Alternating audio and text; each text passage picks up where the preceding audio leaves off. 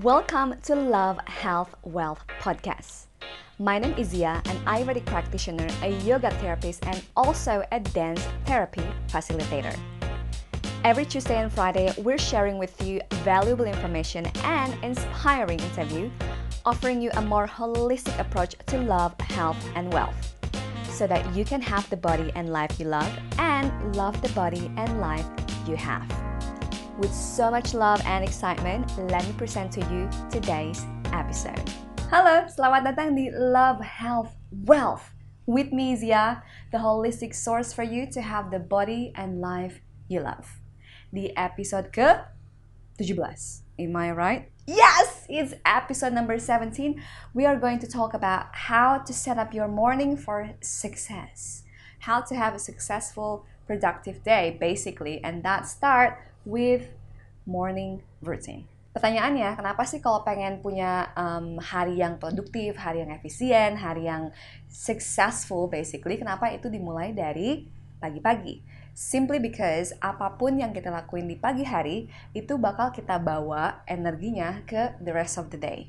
For example, there's actually a study say that the first 5 minutes, hal-hal apa pun yang kita lakuin di 5 menit pertama saat mata kita bangun gitu kan, um, how that creates the emotion within us, the experiences within us, itu bakal kita bawa tuh si rasanya for the rest of the day. Jadi dari studi ini kita udah bisa quickly observe and understand that apa pun yang kita lakuin first thing in the morning especially and especially lagi 5 menit pertama itu benar-benar krusial karena itu bakal set it up our mood, our emotion for the rest of the day. Unfortunately, banyak dari kita, termasuk saya, kadang saya juga masih kayak gitu kok. Um, khususnya kalau di Jakarta, kebawaan. Environment that we live in really affects us, right?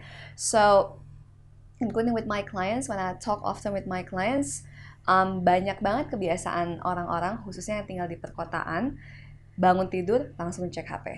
Scroll, scroll, scroll, scroll. Nah, sayangnya nih kalau kita nge-scroll HP, kita kan nggak bisa ngekontrol apa yang informasi apa yang bakal kita konsumsi dari HP tadi.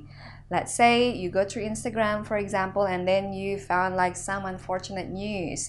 Ada sad news, dan misalnya ada WhatsApp, uh, message from someone about unfortunate annoying things and that will make you feel certain way. Misalnya kamu ngerasa marah sedih gara-gara informasi tadi and you will most likely bring that emotion for the rest of your day. Which is why it's really really really important buat pay attention sama apa sih yang kita lakuin first thing in the morning. Nah kalau dari sisi Ayurvedanya, kenapa morning routine itu penting banget? Itu ada hubungannya sama Kapha dosha. Nah, kalau kamu belum familiar dengan konsep Vata, Pitta, atau Kapha, bisa dikunjungi, bisa ditonton dulu video kita yang sebelumnya di episode ketiga sama kelima khususnya yang kita bahas lebih detail lagi tentang si tiga dosha ini. Nah, kalau di video eh, sebelumnya kita bahas si Vata, Pitta, Kapha ini in relation to our health, our body type gitu kan di kelas ini kita juga bisa lihat bahwa si dosha ketiga dosha tadi juga bisa dibagi bisa kita lihat dari 24 jam um, kita sehari-hari itu. Contohnya nih, jadi saat jam 6 sampai jam 10 whether is in the morning or in the evening, in general if there's 12 hours of daylight and 12 hours of night time gitu kan. That's related to kapha dosha. Nah, kapha dosha itu elemennya apa? Ada water and earth. So that's the heaviest time. Kemudian jam 10 sampai jam 2, mau itu siang atau malam, itu related hubungannya sama pita dosha yang dominan elemennya adalah api dan sedikit air. Kemudian jam 2 sampai jam 6, mau itu subuh atau sore, itu ada hubungannya sama dosha Vata. Nah, Vata ini hubungannya sama elemen udara dan akasha atau the element of the spirit. We're not gonna talk about the whole day, tapi kita bakal fokus ke morning routine itu dari jam 6 sampai jam 10. Nah, Kapha ini karena elemennya adalah water and earth, the heaviest of all of the elements, gitu kan, of the elements. Kita itu biasanya kalau jam segini itu bawaannya itu berat, bawaannya lebih slow gitu kan. So when we don't set it up our morning right, bawaan kava ini yang lebih berat, yang lebih slow itu kita bawa sampai the rest of the day. Makanya pagi-pagi ini kalau di Ayurveda nanti aku jelasin hal-hal apa aja yang ideally dilakuin supaya kita nggak bawa energi berat ini. Kebanyakan orang kalau nggak ngelakuin hal tadi, eh hal-hal tadi, hal-hal nanti yang aku jelasin kayak contohnya olahraga gitu kan, people need coffee because coffee will light things up karena kopi itu hubungannya sama vata, air element. Unfortunately, if you um, relying on substances like coffee, it's not going to be sustainable. Dan ada juga side effectnya.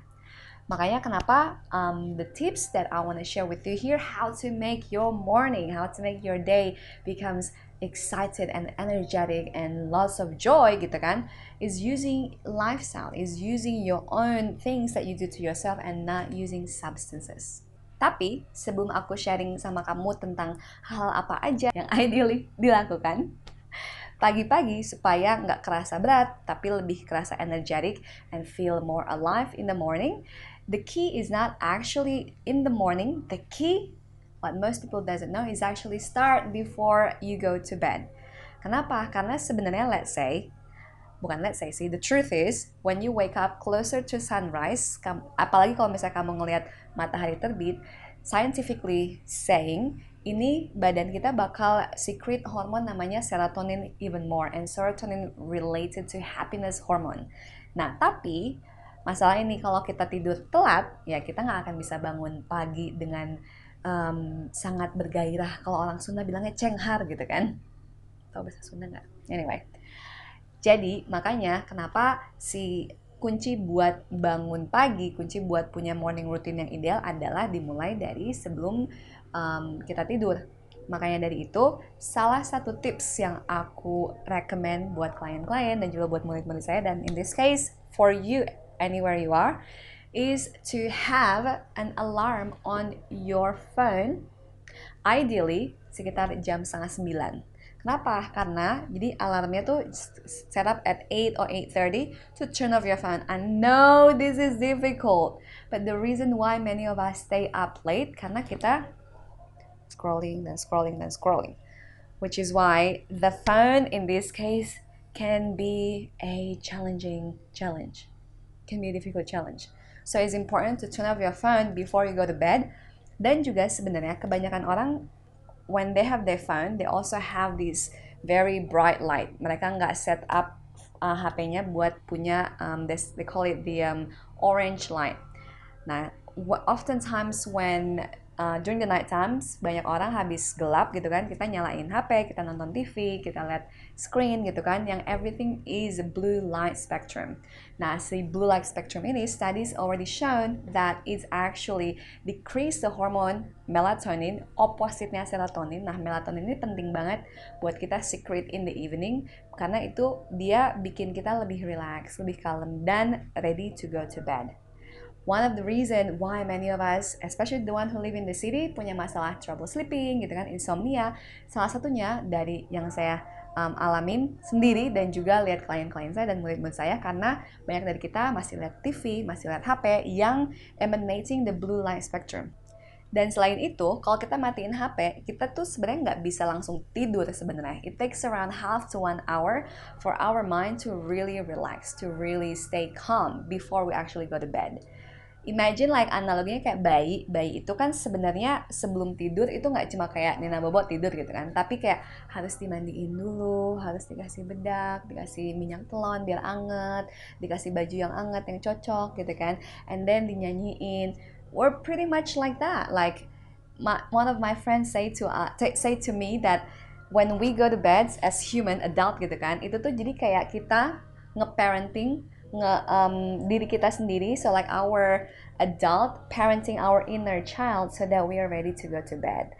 Makanya sebenarnya kenapa kita juga ngecek HP itu because we are seeking for that um, attention uh, love I would say. More like we we're seeking for that love and specifically scientifically speaking we're seeking for the oxytocin. Makanya kenapa banyak orang addicted to their phone because of the social media mainly and also like Messenger and other things, WhatsApp is because when we connect with other people, we get that hormone yang namanya adalah oxytocin. Karena banyak dari kita mungkin tidak mendapatkan itu di kehidupan nyata. Dan sebenarnya itu kan bisa bikin grounding juga. It makes you feel like love and grounded. Makanya si karakter ini sebenarnya dibutuhkan buat kita supaya tidur. Cuma sayangnya side effectnya kalau kita dapat si oxytocin itu dari HP, kita malah nggak tidur-tidur karena kita malah kayak aktif juga at the same time.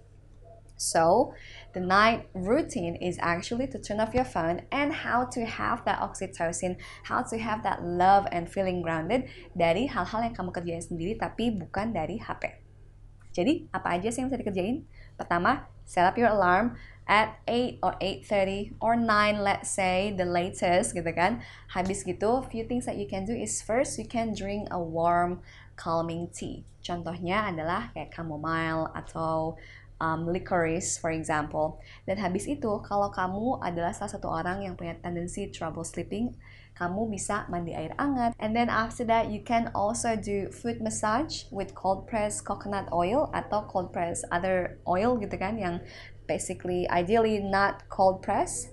Habis gitu kamu bisa pakai kaos kaki just for the sake of um, oilnya, minyaknya nggak ke mana-mana.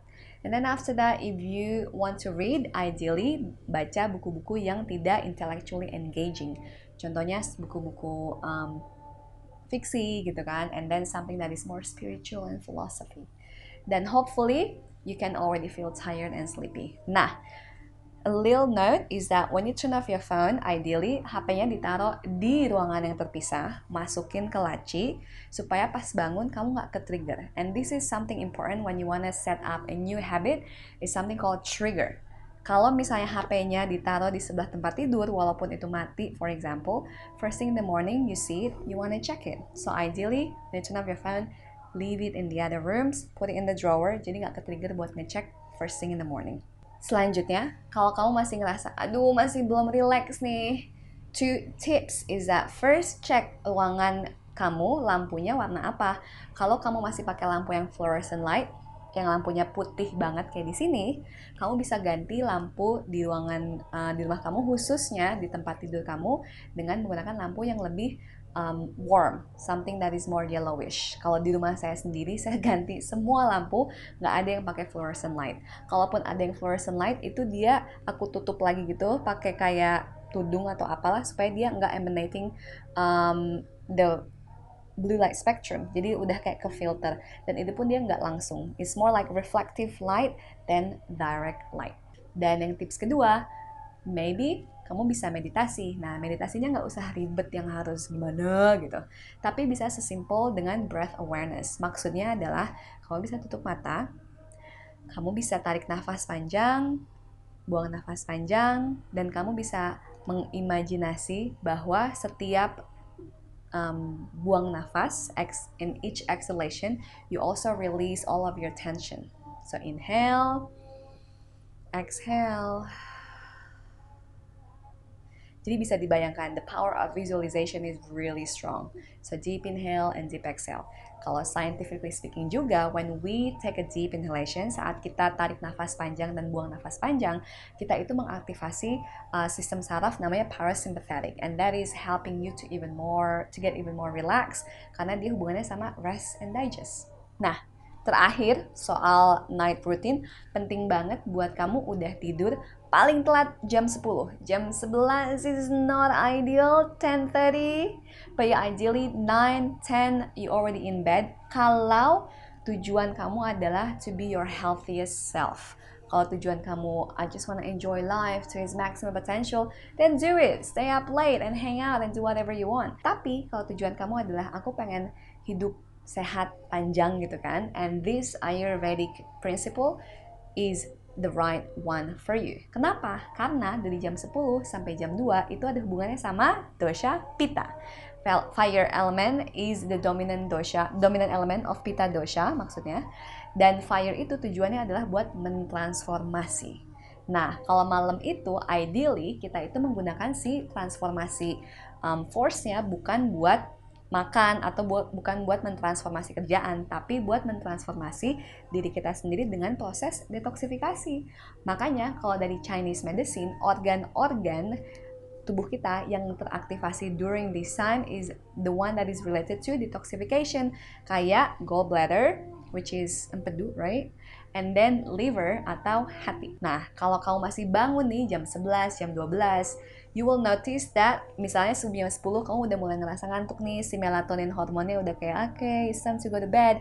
Tapi kalau kamu masih bangun jam 10, jam 11, tiba-tiba In English, they call it you get the second wind. Si apinya bangun lagi, tiba-tiba kamu pengen kerja, tiba-tiba kamu pengen makan karena si apinya pengen mentransformasi, pengen mencerna um, ya apa pun lah. In this case, karena dia tidak mencerna uh, makanan atau informasi, experience, emotion that you experience during the day to detoxify it, akhirnya dia mentransformasi ruangan-ruangan hidup kamu yang ada di luar, not your internal world. Selanjutnya, kita akhirnya bakal ngebahas tentang the ideal morning routine to set up your day for success. Yang pertama, ritual favorit saya adalah something called tongue scraping atau membersihkan lidah dengan menggunakan tongue scraper. What is scraping? Anyway.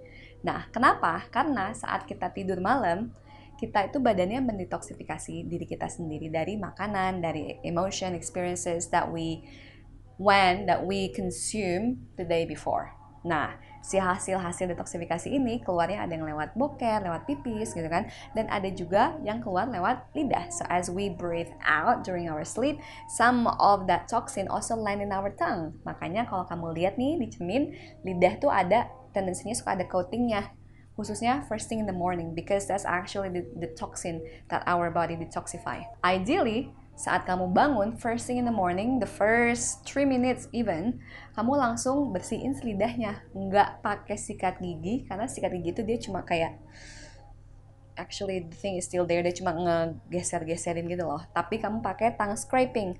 Nah caranya gimana? Imagine this is your tongue. Terus habis gitu kamu menggunakan tongue scraping ini pakai dua gitu. Terus kamu kayak di scrape aja gitu loh. Dibersihin sampai ke bawah. Nanti dituk tuk tuk ke wash basin ke apa tuh? Wastafel ya bahasa Indonesia which actually comes from Dutch but whatever. Uh, nanti kamu bisa ngeliat itu tuh di wastafelnya kelihatan warnanya apa that means something as well. But basically is a good practice to first thing in the morning uh, ngebuang si hasil detoksifikasi semalamnya dan juga dia juga punya fungsi lain yaitu dia ngemijat lidahnya karena lidah juga itu sebuah reflective point dari organ-organ kita. Penting banget aku mau ingetin buat ngelakuin ini first thing as soon as you wake up, ideally the first 3 minutes. Kenapa? Karena kalau misalnya udah lebih dari 3 menit atau even 2 menit depends on the person, badan kita udah badan kita, lidah khususnya mulut udah mulai ngeluarin si saliva. Nah, saliva ini kalau udah keluar nanti malah ngedigest balik si uh, toksin-toksin tadi yang ada di lidah. So ideally first thing in the morning wake up, go to the bathroom and do tongue scraping right away. The ideal material for tongue scraping kalau aku sih pakai copper. Kenapa copper? Karena kalau di Ayurveda copper itu tridoshik maksudnya adalah dia cukup suitable untuk semua jenis dosha. Kalau mau agak fancy bisa pakai yang emas. Emas itu bagus buat patah karena dia warming. Kalau silver dia cooling jadi it's good for pita or you can use stainless steel. I will not recommend to use plastic. Ada yang banyak banget tuh di pasaran karena plastik itu pertama is not friendly for the environment and then it create waste product and the blah and the blah and the blah and energetically is just not that good. Jadi kalau kamu mau purchase, kalau kamu beli nih si copper tongue scraper, you can visit my website di ziakusumawati.com. Nanti kamu bisa beli di sana langsung. Very affordable and it will we will be we will ship that right to your house. Selanjutnya, kamu bisa gosok gigi, and then after that, hopefully kamu bisa langsung BAB. Nah, kalau kamu belum bisa BAB um, sebelum jam 7 in the morning gitu kan, uh, few tips that I can highly recommend is to first squat. Kenapa harus jongkok? Karena saat kita jongkok, kita itu membuat sebuah muscle di badan kita namanya pubic muscle as you can see here to be relaxed. Kalau misalnya kita duduk kayak kebanyakan sitting toilet gitu kan, we not actually get that squatty pose. It's not going to relax it dan malah si colonnya dia tidak uh, terbuka dengan gampang. Nah, itu tuh sebenarnya orang Asia itu udah udah pinter banget dengan kita punya toilet jongkok. Makanya kalau bule-bule gitu ya, Bu ya, they have a lot of like constipation atau susah BAB problem karena pos salah satunya adalah posisi si puborectalisnya dia tidak relax. Tips kedua, kalau belum BAB, kamu bisa minum teh yang hangat. Kalau misalnya mau lebih fancy lagi, kamu bisa bikin ginger tea and also add lemon if your pita is balanced. Kalau misalnya badan kamu tidak merasa excessively hot gitu kan, kamu bisa add on some lemon water. In general though, drinking warm water itu bagus buat semua dosha, khususnya vata karena vata ini badannya tendensinya dingin dan juga kapha karena kapha juga tendensinya cool badannya. And by drinking warm water itu bisa bikin digestionnya lebih hangat. So not only it helps with the poop, tapi juga dia bisa um, membuat kamu ngerasa lebih grounding karena si sistem sarafnya merasa lebih um, warm. anyway, The warm water can help your nerve system to be even more calm, basically. Next one, ideally in the morning you also do meditation. Now, aku nggak akan ngebahas meditasi apa yang bagus karena itu bakal panjang banget. Jadi kayak di awal aku rekomend buat khususnya buat beginner just do breath awareness, just focus on your breath gitu kan. Kalau ada pikiran ke mana-mana, balik lagi ke breathingnya, just take a deep inhale and deep exhalation. Dan setelah itu baru exercise. Nah, aku juga akan ngebahas tentang ideal exercise for you to do anything that can make your body feels more um, warm, khususnya dengan uh, bikin si keringat keluar dari pelipis. Nah, kalau di Ayurveda sendiri, um, olahraga itu bukan tujuannya bukan buat punya abs atau pantatnya lebih berisi gitu kan, atau punya muscles. For some people, yes, tapi tujuan utamanya adalah supaya digestive systemnya um, aktif Makanya kalau di Ayurveda olahraga itu ideally you do it every single day to the point of sweating from the forehead karena kalau udah sweating dari forehead itu nunjukin bahwa si badan kamu udah lebih panas meaning your digestion is on meaning you can transform your day. Dan selanjutnya kamu mandi dan habis mandi baru deh kamu makan. Kita juga akan bahas tentang the ideal breakfast. That's another video for another time. Tapi ideally quickly kalau di Ayurveda kita makan makanan buat breakfastnya adalah sesuatu yang gampang dicerna. Makanya bubur sebenarnya highly recommended buat sarapan. Makanya kenapa banyak banget um, culture budaya di seluruh dunia nih yang breakfastnya itu makanannya bubur. Contohnya nih kalau di Inggris, for example di Irish they have oatmeal, and then in China they have congee gitu kan. In many culture actually, many places around the world, many countries they recommend not they recommend the old generation actually eat porridge some sort of stew grain because when it's like porridgey stewy like that itu gampang lebih gampang dicerna karena kalau pagi-pagi sistem pencernaannya belum on banget. And lastly this is the time where you can finally turn off your phone. Yeah. jadi sebenarnya ideal ideal banget kalau again gitu kan tujuan kamu buat menjadi uh, kamu yang paling sehat lebih sehat gitu kan. The phone Ideally, you turn on after all of this morning routine supaya kamu bisa fokus taking care of yourself, giving yourself the love that you need sebelum akhirnya kamu taking care of other people, sebelum akhirnya kamu memberikan uh, diri kamu kepada orang lain in your services or whatever you do. Nah, kalau kamu pengen belajar lebih lanjut lagi tentang Ayurvedic daily routine, khususnya morning routine, kamu bisa kunjungi YouTube saya yang satu lagi yaitu Holistic Nomads. Aku kasih captionnya di bawah. Basically youtube.com forward slash Holistic Nomads. Di situ ada satu playlist khusus ngebahas tentang Ayurvedic daily routine. Terakhir, sebelum kita ending kelas ini, kalau kamu belum tahu tentang apa sih dosha kamu, apa kamu Vata, Pitta, Kapha, what is your dominant dosha, what is your characteristic, and how to become your best self, kamu bisa download uh, free quiznya di website saya ziakusumawadini.com forward slash body dash type dash quiz body type quiz atau bisa klik link on the caption below. That's it for today and I hope you get benefit from it. Sekarang pertanyaan buat kamu, apa sih satu hal yang kamu pelajarin dari kelas ini? Share your learning on the comment below and when you're down there, be sure to like and subscribe so you will be the first to hear about our future online classes. Dan kalau kamu pengen belajar lebih lanjut tentang everything related to holistic health and beauty, kamu bisa follow saya di Instagram at ziakusumawardini atau bisa kunjungi website saya di ziakusumawardini.com. Sampai ketemu di kelas selanjutnya.